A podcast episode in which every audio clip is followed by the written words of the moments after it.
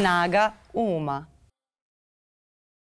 Dobar dan, dragi ljudi, dobrodošli u podcast Snaga Uma, ja sam Miljana, a pred vama je epizoda za koju sam prilično sigurna da će biti zanimljiva svima uh, koje zanimaju biznis, organizacija timova, uh, kako se postaviti u timu, ali sve oni, svima onima koje zanima generalno politika i koje zanima da bolje razumeju ljude u politici. Uh, sa mnom će danas ovde upravo o tome razgovarati profesor doktor Vladeta Janković, ujedno i kandidat za gradonačelnika gradonačelnika uh, ispred liste Ujedinjene Srbije i njegov broj dva, ako tako mogu da kažem, uh, profesor doktor Vladimir Obradović, profesor Fakulteta organizacijonih nauka. Gospodo, dobro mi došli.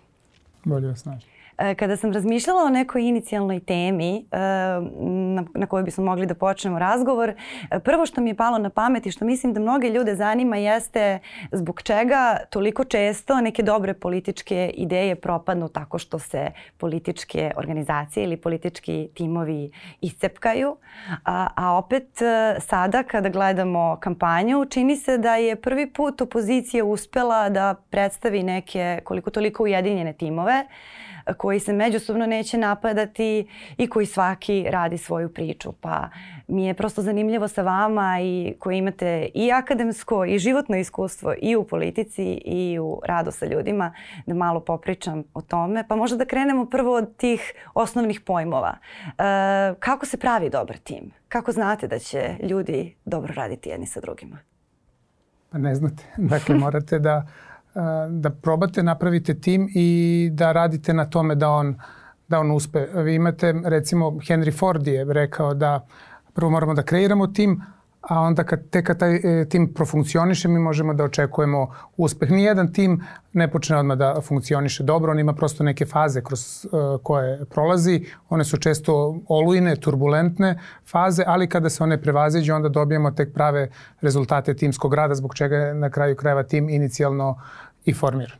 Uh, profesore Jankoviću, po, prema vašem nekom iskustvu i političkom i životnom, uh, šta je ono što u srpskoj politici čini jedan dobar tim, a zbog čega se najčešće političari, čak i kada su uh, onako vrsni znalci svog posla i kada bismo mi kao birači možda njih želeli da vidimo u bliskoj saradnji, raziđu na kraju? To, ja mislim, mnogo zavisi od ličnosti lidera, jer svaki tim mora da ima vođu bez toga tim prosto nema smisla, ne može da funkcioniše. I to mnogo zavisi od toga ko vodi tim. Ja sam u svojoj, da kažem, e, pa i akademskoj, ako hoćete, karijeri imao prilike da radim sa nekim vrlo impresivnim ljudima, budući deo njihovog tima, recimo kao jedan od docenata ili profesora na katedri koju vodi šef katedre, jeli? i znam kako je to funkcionisalo. Pa sam onda i u politici, e, to u strankam, pripadao sam demokratskoj stranci Srbije 22 godine i znam kako to funkcioniše.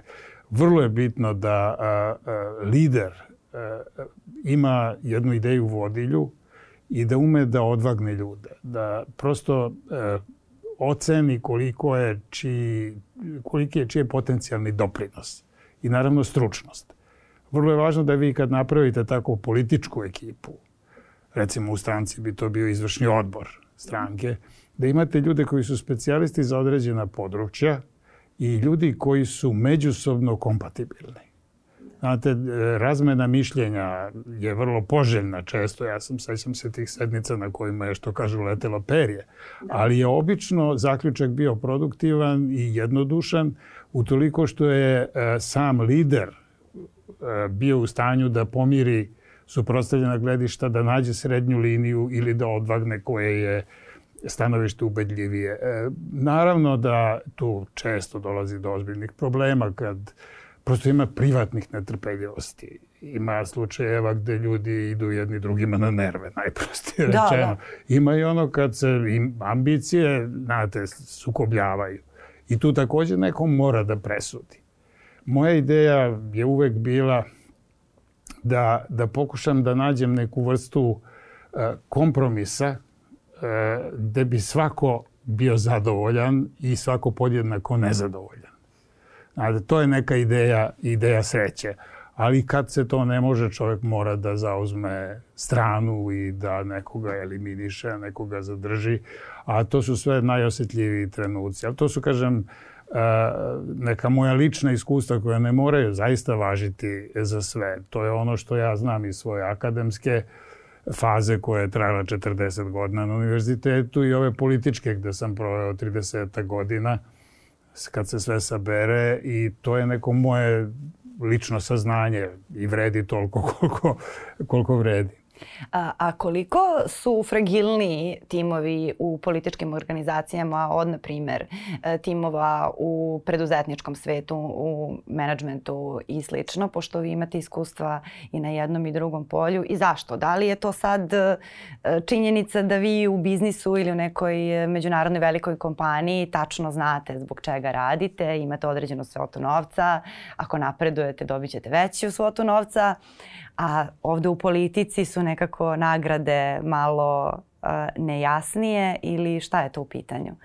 Zavisi kod nekih timova uh -huh. u mhm. politici takođe su nagrade svote novca. e, to, to, da, me, da, to me zanima. Ovaj, da se našalimo malo. Dakle, nisu svi timovi formirani zbog novca. Da bi tim prvenstveno imao šanse da uspe, moraju ti članovi tima da imaju zajednički cilj. Dakle, ljudi se okupljaju oko ideje i oko cilja. I dokle god oni zajedno rade na tome i veruju u tu ideju i cilj, onda dolaze ti uh, te koristi timskog rada da se negde neki individualni ciljevi stavljaju u drugi plan ili ovaj, se podređuju tome da mi kao tim nešto postignemo. I u različitim civilizacijama i kulturama je to malo ra različito. Istočne kulture, one su sklo, sklonije zajedništvu i timskom radu nego zapadne civilizacije koje su sklonije individualizmu. Tako da recimo neke glavne stvari o timskom radu mi vučemo iz Japana, Kine i tako dalje, dok se mi ovde u, zapadnom svetu još tome učimo. Tako da ne bih mogao da kažem da tu postoje značajne razlike, samo je dakle koliko smo svi usmereni ka tom jednom zajedničkom cilju. I ako hoćemo sad da napravimo a, primer sa ovom a, sadašnjom kampanjom, mislim da je ovde ako pogledamo i stranke, su da. se udružile, a i unutar toga timovi za različite stvari i oni svi imaju, odnosno svi mi imamo zajednički cilj, a to je da učinimo ovu zemlju, odnosno ovaj grad boljim mestom za život. I sada koliko mi kao jedno društvo koje onako prilično politički istraumirano i zbog tih e, političkih nestabilnosti i nestabilnosti stranaka i slično svaki put kada vidimo da se političari raspravljaju e, da odmah po, mislimo na najgore i da to tumačimo tako jer ovde je nedavno gostovala e, aktivistkinja i glumica Bojana Novaković koja je baš onako i sama po sebi temperamentna veoma. Ona rekla mi se raspravljamo stalno ali ljudi mi se ne raspadamo, to su dve različite stvari. Kako vi razlikujete, recimo evo imate baš dosta životnog iskustva na tu temu i političkog, kako razlikujete tu zdravu raspravu od rasprave koja ide ka tome da dođe i do raspada? Pa znate kako, ima i, i vrlo destruktivnih rasprava uh -huh. i po mom iskustvu koje je nekad i žalosno bilo, to su podmetnuti ljudi uglavnom. To su ili e, ili ljudi koji su po prirodi destruktivni, koji su slepo ambiciozni, a ne dorasli e, svojim ambicijama, sposobnosti prosto nemaju kakve zamišljaju da imaju, to je, ja mislim, bolji slučaj. A gori slučaj, i to se dešava u našoj novoj političkoj istoriji, o još od pada komunizma, ako uzmemo recimo da je to uvođenje višestranačkog sistema 90. godine, od tad su se zadržali i opstali do dana današnjeg elementi političke policije koja je infiltrirana u političke stranke i tu imate ljude koji sistematično i promišljeno i vrlo vešto to su školovani ljudi za tu vrstu subverzije koji podrivaju odnose, šire spletke. Ja se sećam odlično da vam dam samo primer uh mhm. -huh. a, a, rivaliteta koji je kreiran između Zorana Đinđića kao recimo uzmimo da kažemo liberalno levog političara i Koštunice kao nacionalnog osvešćenog desnog ili konzervativnijeg političara. Oni su imali prirodne razlike, ali su e, ljudi koje je podmetnula služba e, sistematično i, i besramno rovarili šireći spletke, e, podmećući lažne informacije i otrovali te odnose do mere da je to da nije mogla da funkcioniše ta idealna demokratska struktura kakva je mogla funkcionisati još od 2000 nadalje, jeli, gde biste imali jednu demokratsku vlast u kojoj imate i levo i desno krilo i koji ide jednim frontom napred, što je bilo moguće teoretski, ali bilo je onemogućeno s jedne strane rovarenjem, kao što sam rekao, političke policije, a s druge strane nezdravim ambicijama pojedinih ljudi koje su eto prosto otrovale atmosferu. Da, to, to možda, ne znam, kada bi slušao neko ko ne živi na ovim prostorima, možda bi onako delovalo paranoično. Imamo ubačene elemente u svim političkim strujama, ali to zaista i moje neko onako i novinarsko iskustvo i sada kada gledam i u bližu prošlost i u dalju prošlost, nekako se ona provlači. E, imamo neka strašno onako burna cepanja političkih organizacija gde se tačno vidi da su u pitanju e, niske strasti i prosto sad svako koliko toliko poznaje ljudsku prirodu i prirodu ponašanja grupe, e, može već da pretpostavi da je to onako ne, jedna vatra koja je morala biti potpomognuta, što bi se reklo da onako nije baš došla tu prirodno kao posledica nekakvih neslaganja, jer realnih neslaganja nema, ali onda tu pretpostavljam da, da se radi pre svega o um, urušavanju uh, kvaliteta komunikacije između ključnih ljudi i urušavanja poštovanja. Jer vi ukoliko imate te neke stubove zajedničke vrednosti, kvalitetna komunikacija, međusobno poštovanje, na kojima generalno počivaju međuljudski odnosi, pretpostavljam da vi kada narušite komunikaciju i poštovanje ljudima koji već imaju različite ideologije, da je to onda... Ne znate, ja ću vam reći, ovo vi ste pomenuli paranoju i tačno je da, da. ima nas mnogo koji smo skloni tom, jeli, e, tim teorijama zavere i večnom osvrtanju preko ramena, ali ovo o čemu sam ovo ja nije, govorio, ne Uopšte nije taj slučaj i to kad kažem ja znam šta govorim jer sam posle 2000. godine, ja ne znam da li se vi sećate, bili su jedno vreme otvoreni policijski dosijeji. Sećam se toga, da. I mi smo imali uvide i to kad vi pogledate malo bolje, kad zavirite u to, kad, pa kad vidite ko vas je sve pratio, ko je šta o vama gde govorio, ko je kome šta prenosio, kako ide to, onda vidite to ne da postoji ta politička policija, nego da je to čitava jedna mreža znate, koja, verujte mi, postoji dan danas. Ona uvek ima stranačku boju, imala je svoje vremeno Savez komunista, zatim je imala socijalističku partiju Srbije kao svoju jeli, političku potku. Danas ima Srpsku naprednu stranku, s tim što e, ta, ta da kažem, politička, e, politička e, struktura koja to drži, jeli, ona se, ona se može promeniti, ali nezavisno od toga, policija, e, pogotovo ta politička policija, je organizam za sebe. On ima svoj to su kao parasimpatični nervni sistem, da. jeli, tako je to nekako. Ako smem tako poređenje da, da, da upotrebi simpatični i parasimpatični. Ja ne znam, Vlado, vi ćete to bolje teorijski moći da objasnite. Ja to govorim sa stanovišta svog eto, iskustva tako kako je. Ovo mogu čak i ja da potvrdim iz ugla i, i, i novinarstva i svega što sam pratila da, da zaista, ne znam sada kada pogledam neka cepanja i u poslednjih pet godina da je toga bilo. Maltene da su se opozicione organizacije cepkale uh, po nekom istom šablonu, a to je prosto nemoguće da se dogodi, da se dogodi prirodno. E mene sada zanima kako vi tome odolevate. Jel imate to i sada? Ja za sad nisam, što se ovog tima tiče, u kojem sam mhm. naišao uh -huh. na takve ovaj, stvari, što ne znači da možda se negde u budućnosti neće desiti. Mi imamo dnevnu komunikaciju, imamo različite stavove po nekim pitanjima, ali uvek ovaj, izađemo sa zajedničkim stavom što se toga tiče, nakon naravno diskusije. Ono što je možda ključ u ovom trenutku jeste da bude zdrava komunikacija. Znate, jako puno problema uh, nastaje iz toga što komunikacija možda svesno ili nesvesno nije dobra. Uh, I onda vi, znate, tu imate kao u onom filmu Minis Manđel, imate malog ovog jednog anđela i malog đavola i dosta da vam neko tu šapne na ovo, pa ne, oni su to tebi tako rekli ili te isključili ili su hteli nešto i sve ode a, pogrešnim putem. Dakle, dok je, do, dokle god je dobra, zdrava, otvorena komunikacija, šanse za to su veće. Na ovo što je a, profesor rekao, a, ja moram da se nadovežem da kažem da postoje vođe timova i lideri koji svesno zavađaju svoj tim. Zato, I to nije redka pojava u upravljanju.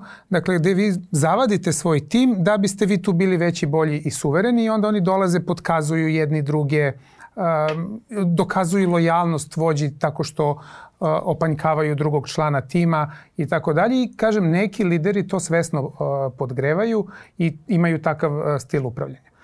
Ako mogu da dodam, imate žive primere dan danas Da. Znate, imate to promociju vođe koji e, sebe predstavlja kao apsolutnog, ne samo lidera, nego kao apsolutni autoritet, koji zna sve o svemu. Uzmite Aleksandra Vučića. Eli... Šalim se.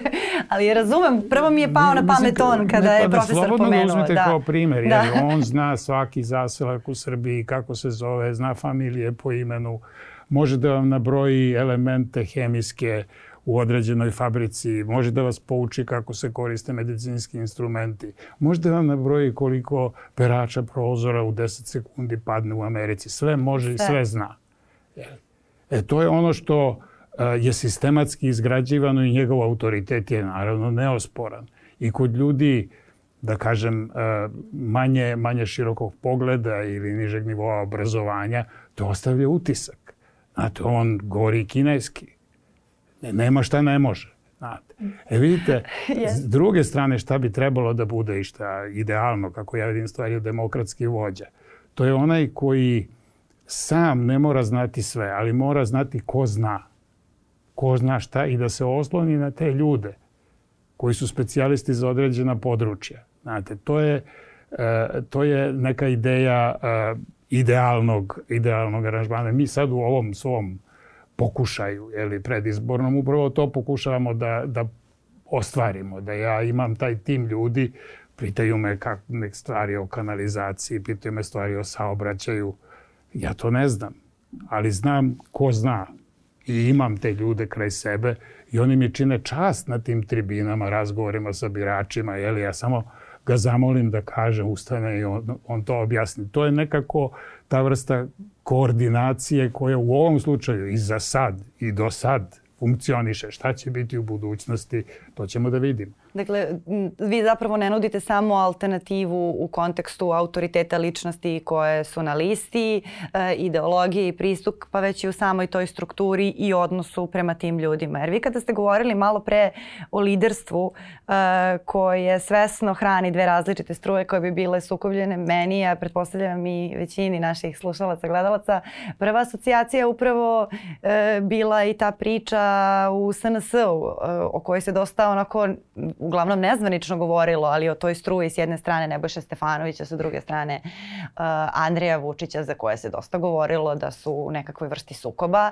da je to upravo to, kao sada ćemo napraviti dva sukoba kako niko ne bi dovodio u pitanje u stvari lidera, nego kako bi se borili za njegovu ljubav. E sad, mene zanima iz vašeg ugla uh, koliko to zapravo kontraproduktivnosti nosi. Jer vi kada imate jednog lidera, dobro, vi možete nekim ljudima neko vreme zamazati oči pričam da umete i da pravite puteve i da sadite drveće i, i da, da znate bolje od svoje majke koliko ste kila imali kad ste se rodili, ali ne možete baš decenijama jer svi ipak znaju nešto. A, a s druge strane vi kada, kada postičete ljude da rastu i da se razvijaju, onda su i rezultati verovatno mnogo bolji.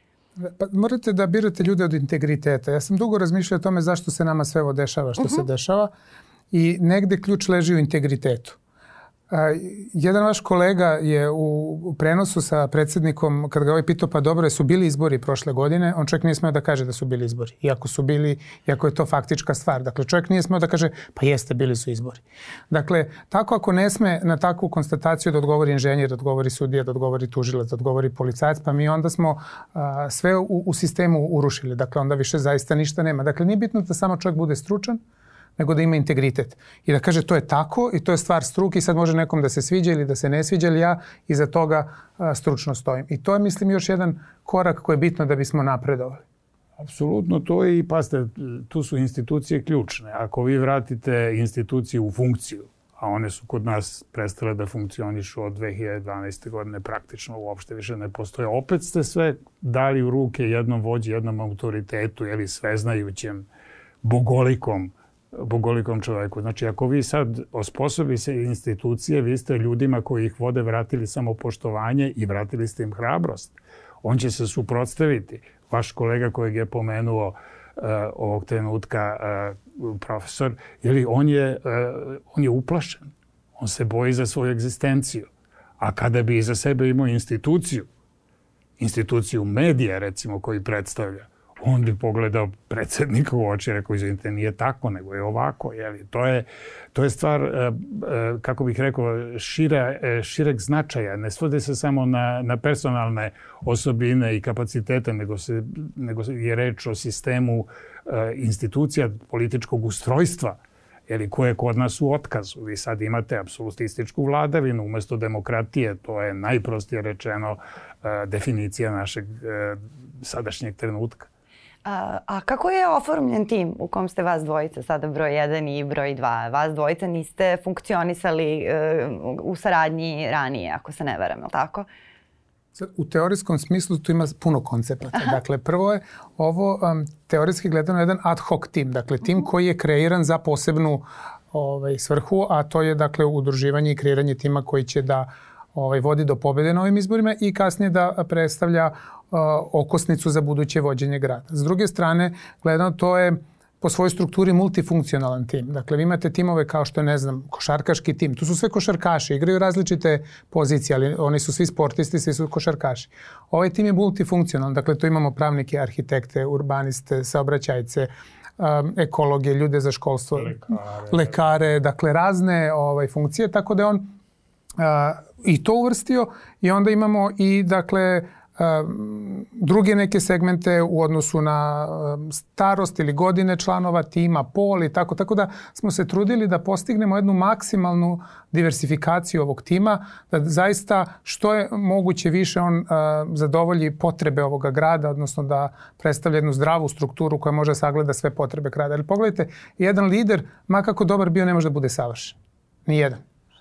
Sem možda jedan u ovoj zemlji, ali sem njega niko drugi. Ovaj, ali tim može da bude savršen ili jako uh, blizu tome. Zato što vi ako imate u timu različite ljude, vi možete razumeti potrebe mladih i potrebe starih. Da razumete potrebe zaposlenih i potrebe nezaposlenih. Potrebe dece uh, u predškolskom i potrebe studenta. Dakle, to jedan čovjek ne može sve da razume, ali i da ima odgovore na to. Tim može. I zaista ovo što je profesor malo prepominja, moram da kažem još konkretnije, ja sam zaista fasciniran time kad mi imamo neke tribine ili susrete s građanima, tu ne biste verovali kakva se pitanja javljaju. Ovaj, I mi uvek imamo odgovor na to, zato što su tu ljudi koji su za različite oblasti i znaju to vrlo tehnički i vrlo stručno i odmah na licu mesta daju odgovor, tako da ja sam zaista nekad i pored svega ovoga što vam pričam, iznova jako prijetno iznenađen kako to funkcioniše. Ako ste pitali kako je formiran ovaj da, tim. Da, kako ste, da, se vi Pa znate kako, povezali. tu postoji velika generacijska razlika. -hmm. Ja sam stariji od valjda najbliže k sebi bar 20 godina i ja te mlade ljude, za mene mlade, jer oni su sad na vrhuncu životne životnih snaga jeli, i sposobnosti. Ja većinu njih lično nisam poznavao. Meni je bilo predloženo, to sam tražio od vođa stranaka koje sačinjavaju koaliciju, da mi daju liste predloge za određene oblasti, za određene struke. I onda sam i malo googlovao, malo razgovarao sa ljudima koje poznajem, njihovim profesorima ili onim ljudima koji ih znaju, procenio sam njihov učinak, pogledao one njihove objavljene publikacije koje sam mogao i onda sam od toga probrao za određene struke jednu ekipu, većinu od njih sam tad prvi put i upoznao ili uključujući kolegu Vladu, jeli, koga ranije nisam lično poznavao, ali o kojem sam čuo i jeli, koji ima svoju reputaciju u oblasti kojom se bavi. I to mi je upravo bilo ono što mi je potrebno, čovjek koji je osposobljen za javnu upravu, za te probleme kojima ja nisam dorastao, a koji je sposoban i u punoj snazi. Tako da je on ono što bi se reklo trenutno moja desna ruka. I to je sve jedna, da kažem, sve se zasniva na uzajamnom poverenju. I tako će funkcionisati do izbora, a kada dobijemo ove izbore, onda je to druga stvar. Taj tim koji sa mnom za sada radi, on će verovatno predstavljati kostur buduće gradske izvršne vlasti.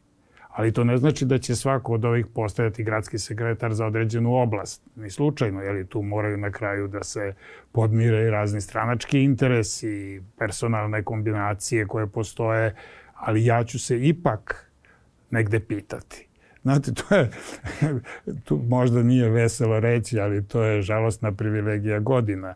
Ja sam sad u položaju da, da ni od koga ne zavisim, da niko ne može da me pritisne, uceni, mogu da svakome kažem ono što mislim, jer nemam šta, nemam interes, ne mogu ništa da dobijem. Jeli? Prema tome, na tome delom počiva, na toj žalostnoj činjenici godina počiva, počiva moja snaga i moj autoritet, ako hoćete, u ovom trenutku.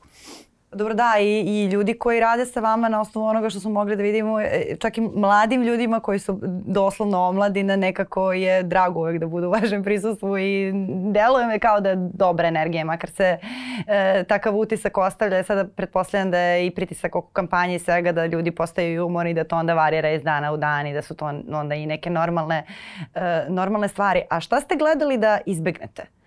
Uh, kada ste gledali svoje uh, buduće saradnike. Pomenuli smo dobro ove ubačene ali, elemente, ne, ali te neke na, ljude koji, koji su naravno, generalno... Znate, to pre svega ne volim, ne volim da radim sa ljudima koji su preterano ambiciozni. To su obično ljudi koji ne odmeravaju dobro svoje sposobnosti i skloni su, kako se to kaže, da zagrizu više nego što mogu da progutaju i hoće da seku krivine i hoće da osporavaju druge koje doživljavaju kao konkurenciju. Ja naravno, kažem, nisam to mogao znati za svakoga pojedinačno, ali sam vodio neke razgovore privatne sasvim sa onima koji znaju.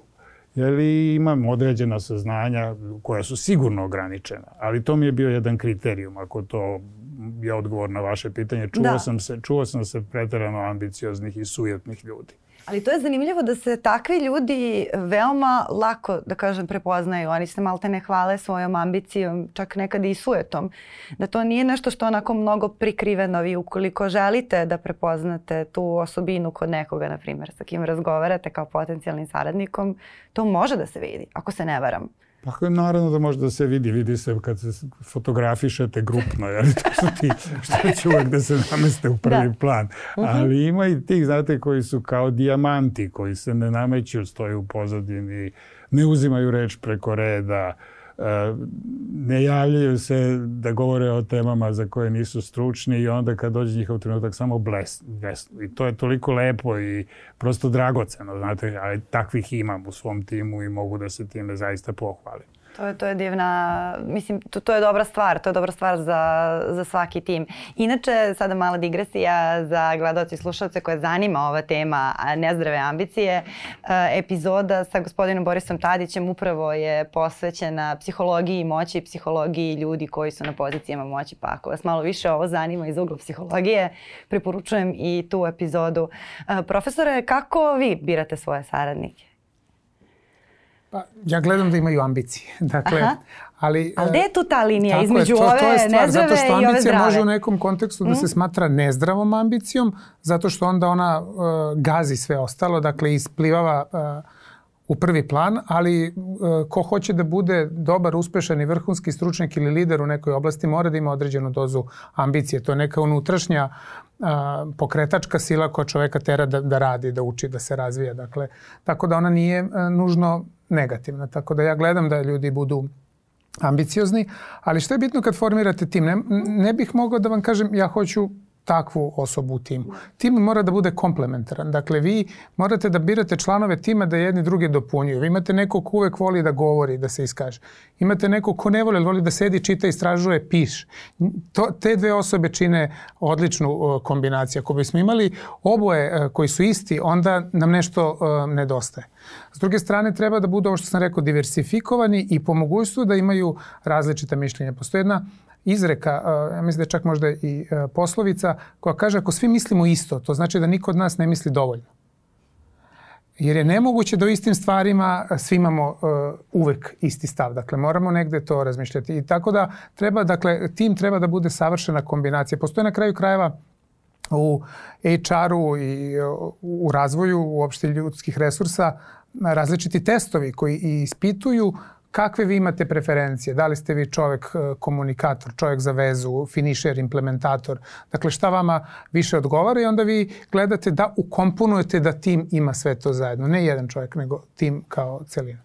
Mi smo već uh, komentarisali, već smo govorili o, o nekim pucanjima uh, s početka 90-ih, pre svega o tom razdoru između uh, premijera Đinđića i Vojislava Koštunice. Ali me sada zanima, pomenuli ste i to nametanje Aleksandra Vučića kao nekog sve opšte, opšteg lidera opšte prakse, opšteg svega. Koliko njemu ta uloga sada puca?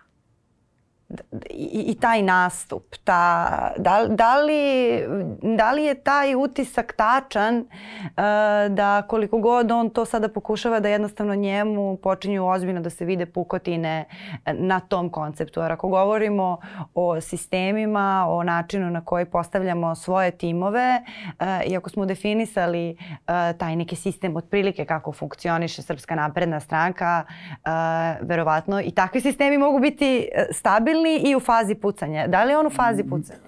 Paste, pre svega on je predozirao. On je već odavno predozirao, on, njegova, njegove ti, ta svakodnevna pojavljivanja, ti beskrajni monolozi, te privatnosti, ta gluma, sve je to e, jedno vreme sigurno delovalo i ja znam mnogo starijih gospođe u provinciji koje su suzile kad on priča o svojim teškoćama, o svojoj porodici, o nerazumevanju na koje ne ilazi. Ali, to, ali to, i tome dođe kraj. Da. Počnu ljudi, čak i oni naj, da kažem, zaluđeniji, da se pitaju, ej, polako, pa da li je ovo normalno? I to se njemu dešava. S druge strane, on je okružen uh, on je okružen uh, udvoricama i uh, jednom, da kažem, karakternom bedom. To su njegovi saradnici koji, tamo je kriterijum uspešnosti, bliskost lideru. Ne kvalifikovanost u struci, ne rezultat koji ste postigli, nego to koliko ste mu bliski i koliko možete da mu se gleda. Ako ste gledali, a niste, niste mogli ne gledati. O, ne samo to, nego ove skupštinske prenose. Da. Mislim, to, pazite, to je, mora da se pomene Aleksandar Vučić nekoliko puta, određeni broj puta o bilo kojoj temi da govorite. Od gradske kanalizacije do uh, svemirske uh, tehnologije vi morate ubaciti 4-5 puta Vučićevo ime. I pazite, to mora izazvati prezasićenost. Meni se čini da je taj trenutak nastupio i njegova popularnost po svim uh, anketama u kojem smo mi imali uvid, uh, njegova popularnost ide naniže. To još uvek nije, daleko je od, uh, od katastrofe za njega. Ali to kad jednom krene naniže, to se ne vraća. Dobro da to ima logike i u psihologiji, zato što je on čovek koji je kompletno svoje javno pojavljivanje vezao za snažne emocije. Tako da on može ili snažno oduševljavati ili otići u totalno drugu, u drugom smeru. A ne šta može... to ima za posledicu? Da. Pogledajte, to ima na posledicu, za posledicu društvenu podelu. Pa, pa tako. Duboku podelu društva i to je ono što je strašno opasno za jedno društvo. A paste, u ovom istorijskom trenutku, međunarodnom kontekstu koji nastupa poslednjih nedelja, društvo zaista ne bi smelo da bude na ovaj način podeljeno kako je kod nas podeljeno i socijalno i imovinski i ideološki još je podeljeno na toj liniji koju e, Vučić i njegova propaganda sistematično produbljuju.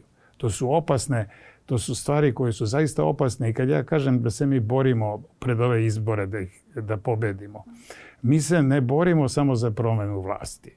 Verite mi, ja to osjećam kao borbu za preživljavanje za zaista spasavanje u posljednjem trenutku. Jer kuda nas on vodi i ovi oko njega, to je jedna provalija za koju se bojim da, da više generacije ne bi mogle to da, da isprave u šta nas oni, e, nevolju u kojoj nas oni vode. Da to ima logike zbog toga što je cijela ta propaganda generalno uvek bazirana na zloupotrebi e, najtanjih ljudskih, uglavnom emotivnih slabosti, želja, nadanja. Vi kad imate koronu pa velike egzistencijalne anksioznosti na koju dođe priča o ratu, dakle još više egzistencijalne anksioznosti, to je već samo po sebi problematično ako se ne tretira, a ako se zlupotrebljava, onda stvarno ne, ne, može se napravi... Nemojte da budemo sasvim, da, da kažem, trivialni, nemojte da. zaboraviti pare. Pazite, te helikopterski novac koji on deli, 100 evra ovome, pa, a, a ko da je precepio novčanicu na pola, evo ti sad 100 evra, a u maju ćeš dobiti drugu, još 100 ako bude, budem pobedio na izborima. Mislim, to su trivialnosti, ali je, ali je strašno. Jeste i ljudima je to već verovatno postalo. E sada kako, kako to vama deluje iz ugla kada bismo, na primjer, Srpsku naprednu stranku e, posmatrali isključivo kao sistem funkcionisanja, kada su oni bili u vrhuncu svoje stabilnosti kao sistem, možda čak i da ne tretiramo e, njihovo biračko telo, nego kada su oni najbolje funkcionisali, kako funkcionišu sada i šta se promenilo? Pa oni po meni nikad nisu dobro funkcionisali. Dakle, ja ne bih mogao njih da doživim kao političku stranku. Dakle, politička stranka mora da ima neku ideologiju, neke ciljeve, nešto što ih objedinjuje. Dakle, ja zaista a, ipak nešto znam. Zato sam ne rekla mogu, sistem. Oni su mogu, bili da, neki sistem. oni su neki sistem koji je po meni interesno ovaj, povezan i ako vidite, taj sistem je vremenom rastao. Dakle, oni su na taj lepak interesa privlačili sve više sledbenika, što milom, što silom i sada to više nije kao na grudva jedna, ovaj, kada se pravi, to više nije kontrolabilno. Liderstvo, odnosno vođenje je nekad se upoređuje kao kada držite pticu u ruci. Dakle, vi ako je mnogo stisnete, udavit ćete, ugušit ćete se. Ako mnogo otvorite ruku, ona će da pobegne. Dakle, morate da imate tu finu osobinu da znate da upravljate nekim ljudima ili nekim sistemom. S druge strane, pa vi sami izvucite paralele, postoji koncept koji se zove e, tamno liderstvo, dark leadership, dakle, koji e, uspe da drži sistem i da upravlja i tako dalje, ali su rezultati toga po zaposlenu u toj organizaciji ili po društvu u celini katastrofalni. Mi smo imali takav slučaj, mislim ne mi, nego slučaj koji se navodi je e, francuski Telekom 2008. 2009. godine, gde je došlo novo liderstvo i novi tim i oni su pod uh, pritiskom reformi izazvali da su njima desetine ljudi u francuskom telekomu izvršile samoubistvo. Jer nisu mogli da izdrže više taj uh, pritisak i kasnije su ti direktori ovaj, osuđeni zbog lošeg upravljanja i zbog lošeg vođenja. Tako da mislim da i ovde, dakle sad suviše stežemo uh, ovu pticu i da smo dakle na pragu toga da da se ovaj ta ptica uguši ako tu prepoznamo naše društvo, ali s druge strane ta ptica se brani, sad počinje da grebe, počinje da kljuca i ja se nadam da će da se oslobodi. Da, znači imate taj, taj neki optimistički, optimističan odnos prema tome. Uh, ja sam dosta razmišljala prosto o toj, o toj njihovoj e, vezi i o tome kako da se za sve ove godine niko nije ocijepio, niko nije rešio da se samostalno kandiduje, da, da, da osnoje svoju stranku i sada me zanima. Jeste jedan, ali završio u Dunavu.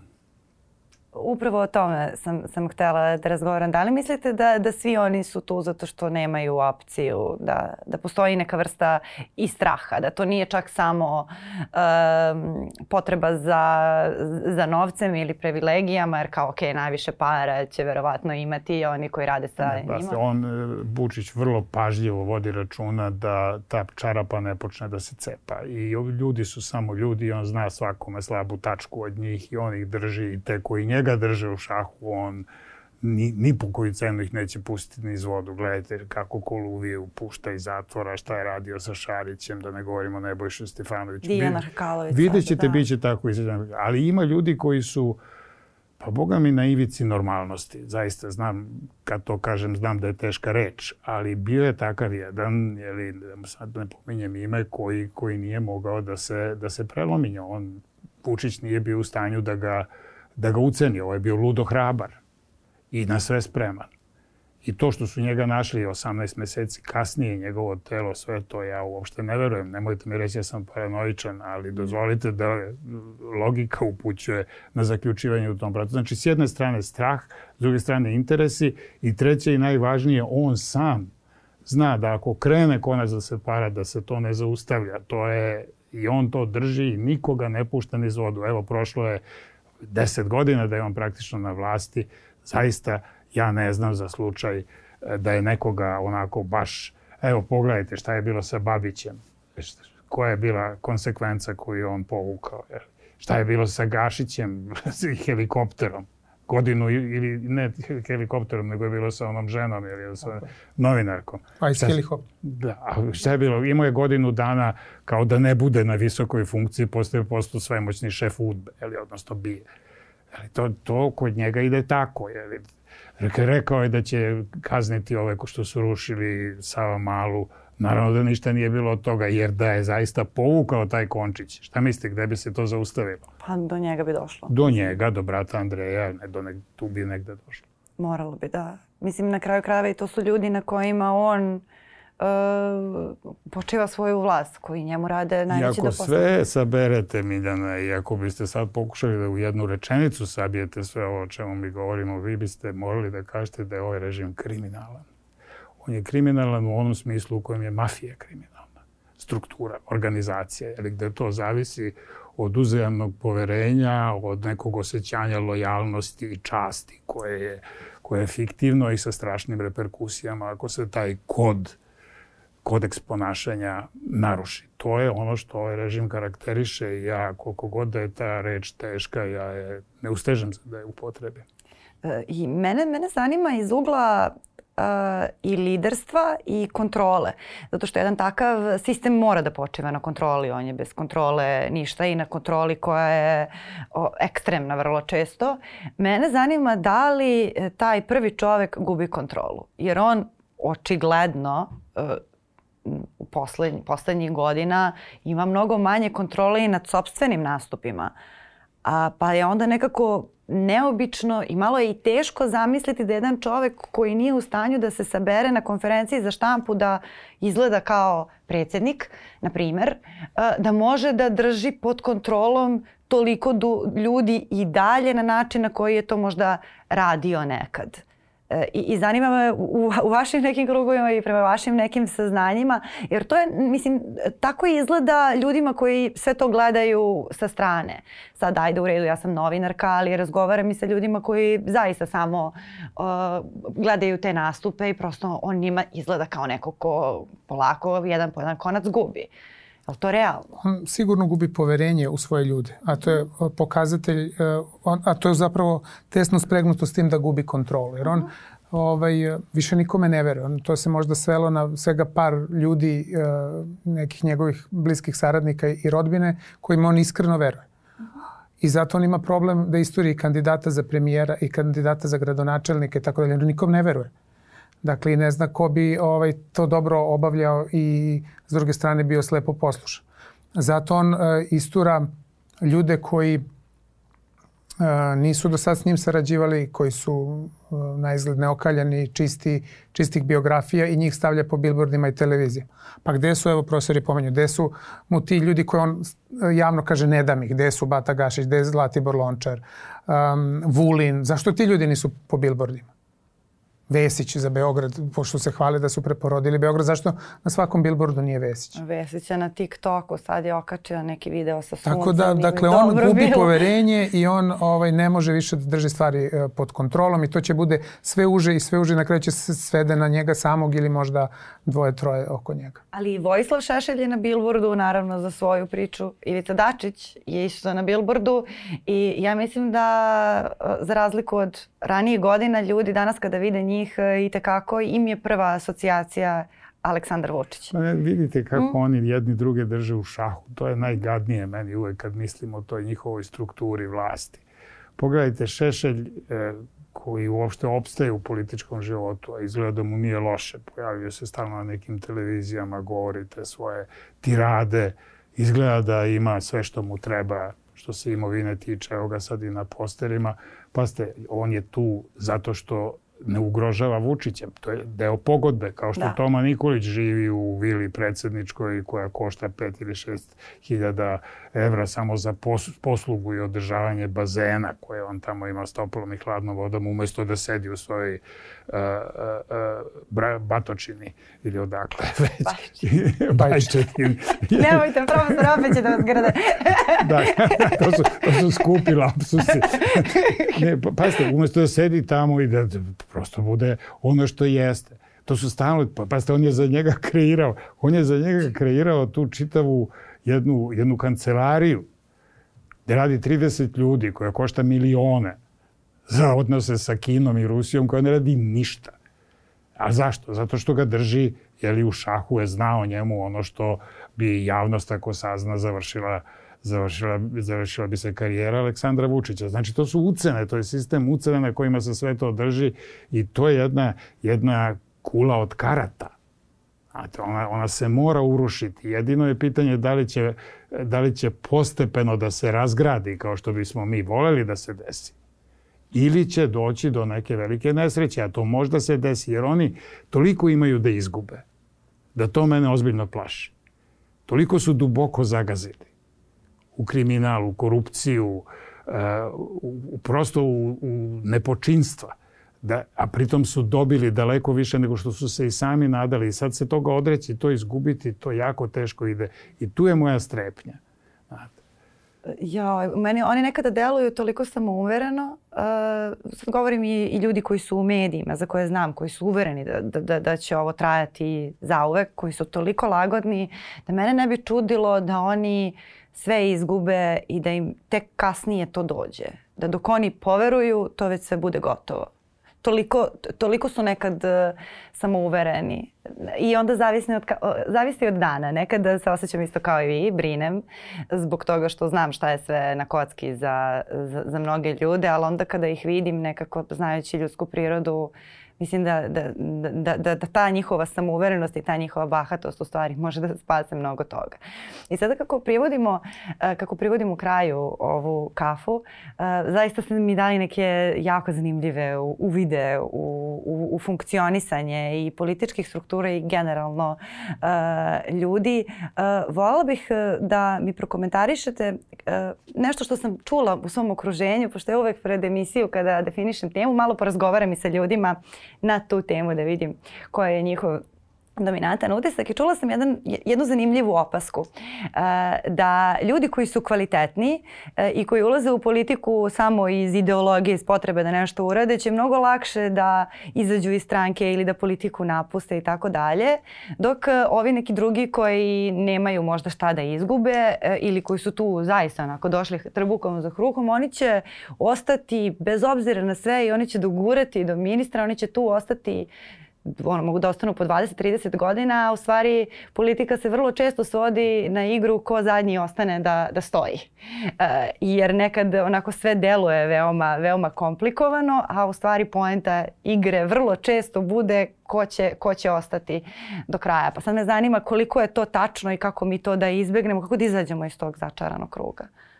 Pa evo ja mogu da kažem što se tiče ovog tima za Beograd. Dakle, to su zaista ljudi, to je bio jedan od kriterijuma, to su ljudi koji imaju svoje karijere i svoje profesije. Dakle, oni hoće na osnovu toga da još nešto nagrade i doprinesu. Ja se slažem sa vama, odnosno sa ovim uvodom koji ste dali. Ako neko nema karijeru, nema profesiju, nema svoju struku, a bavi se uh, politikom zarad nekih um, koristi, da to, da to nije dobro. I to je jedan od pokazatelja. Mi tu imamo u vladajućoj stranci toliko toga. Dakle, da ljudi ništa ne... Oni, oni moraju da se bore za to. Oni kad ne bi bili na toj funkciji, ne bi mogli maltene da prežive. Ne znam, ništa da rade. Ima to identitet lični postalo. Ja, znate kako, ja mogu da vam dam i primere iz Demokratske stranke Srbije. Znate, tamo je bilo nas koji smo imali svoje profesije u kojima smo bili afirmisani, nismo zavisili od bavljenja politikom i mogli smo mirno da iziđemo kao što je izišao Išla Koštunica ili ja ili još nekoliko ljudi. Ali, ali bilo je onih koji, to je i našom greškom, mi ih nismo terali da završe škole. Takav je Andrija Mladenović. On šta će da radi nego će da se priključi, priključi e, e, naprednjacima. Ipak sačuva neku mrvu dostojanstva, ali imate šta ja znam. Uzmite, ja slobodno govorim imeno, uzmite Bakareca. Jeli? Ne zna šta on drugo zna da radi, sem da bude u politici, preskakaće iz stranke u stranku, nema zrna morala i postaje tako jedna moralna buba švaba. Takvih ima. Ali ja sam nastojeći zajedno s vladom da formiram ovaj tim upravo na tome insistirao da to budu ljudi koji danas su u politici obavljaju svoju struku, koriste u političke svrhe, svrhe pravde i istine ako hoćete. Znate. A ako zatreba, sutra će se vratiti svojim strukama, vlada za svoju katedru, ili svako na... na... Vi tenisu, kako ste rekli. pa dobro, ja svoje penziji i unučice. Ali da, to, to, je, to je jako dobro jer i na osnovu onoga što, što sam gledala nekako se čini da su to možda dve najproblematičnije tačke u svakoj političkoj organizaciji. Ti ljudi koji svesno prave konflikte i ti ljudi koji dolaze jer nemaju šta drugo da rade i onda tako samo gledaju šta će da učare. Oni najlakše spremni. sutra, da. I, I na sve su spremni. Da. Znate, to je ono, to je cena koju moraju da plate. Uh -huh. A to je problem i sa opozicijalnim organizacijama koje ne mogu kao, naravno moraju kogod hoće da se učlane, moraju da, da to prihvate i svaka pomoć je dobrodošla, naročito kada to sve funkcioniše ovako van institucija kao u Srbiji, posle bojkota i svega. I onda se oni tako tu onako prilepe, a zapravo takvi ljudi će sutra najbrže i da prelete i da prodaju svoje poslaničko mesto i da, da prave najviše, najviše problema. I baš mi je drago što ste se osvrnuli i na to, jer mislim da je to dobro i primetiti ovako kada da, se gleda politika. Ja bih samo volio da napravimo, izgleda nam se to ove desetogodišnje vlasti svima zamutilo u glavi. Uh -huh. uh, moramo napravimo razliku između partije i države.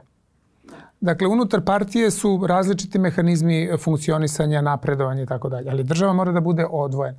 I ono što mi želimo da pokažemo ličnim primerom, i ja ako hoćete kao neko ko dolazi iz fakulteta, svima, prvenstveno mladim ljudima, da kažemo da će neko na neku poziciju doći zbog svoje stručnosti, znanja i iskustva, a ne zato što je pripadnik stranke. To što je pripadnik stranke može da mu bude plus ili minus u, u nečim drugim očima, ali u sistemu on tu mora da bude zato što to zna i zato što ima dokazane rezultate.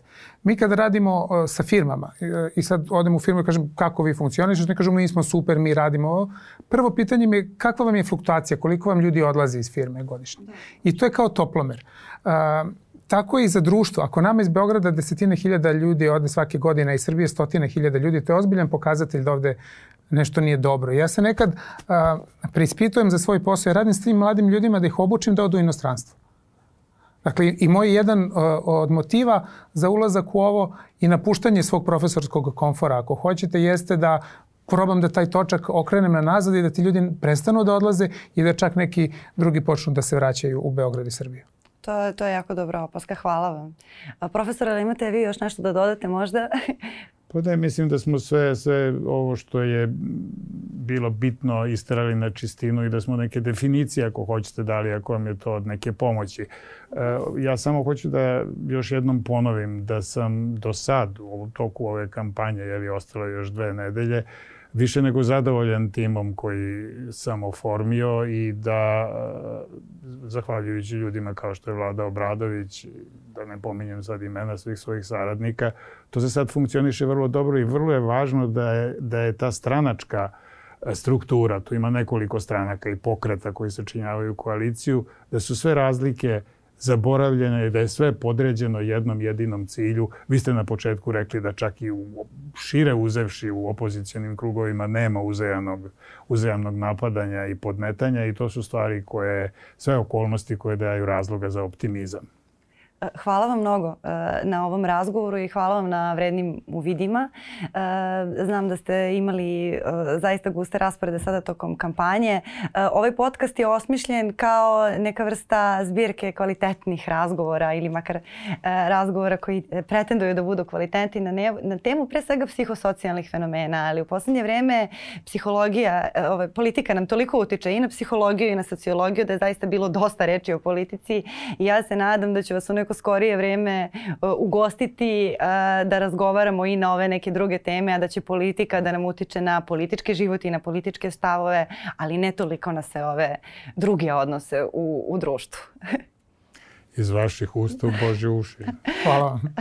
A hvala i vama na vremenu i pažnji. E, sa mnom su danas ovde razgovarali e, profesor dr. Vladimir Obradović i profesor dr. Vladeta Janković. Nadam se da ste dobili neke nove i zanimljive uvide na politički život, ali i na ljudsku prirodu. A mi smo tu i sledećeg ponedeljka na Nova RS i podcast platformama, a na YouTube kanalu Nova S od srede. Prijetno.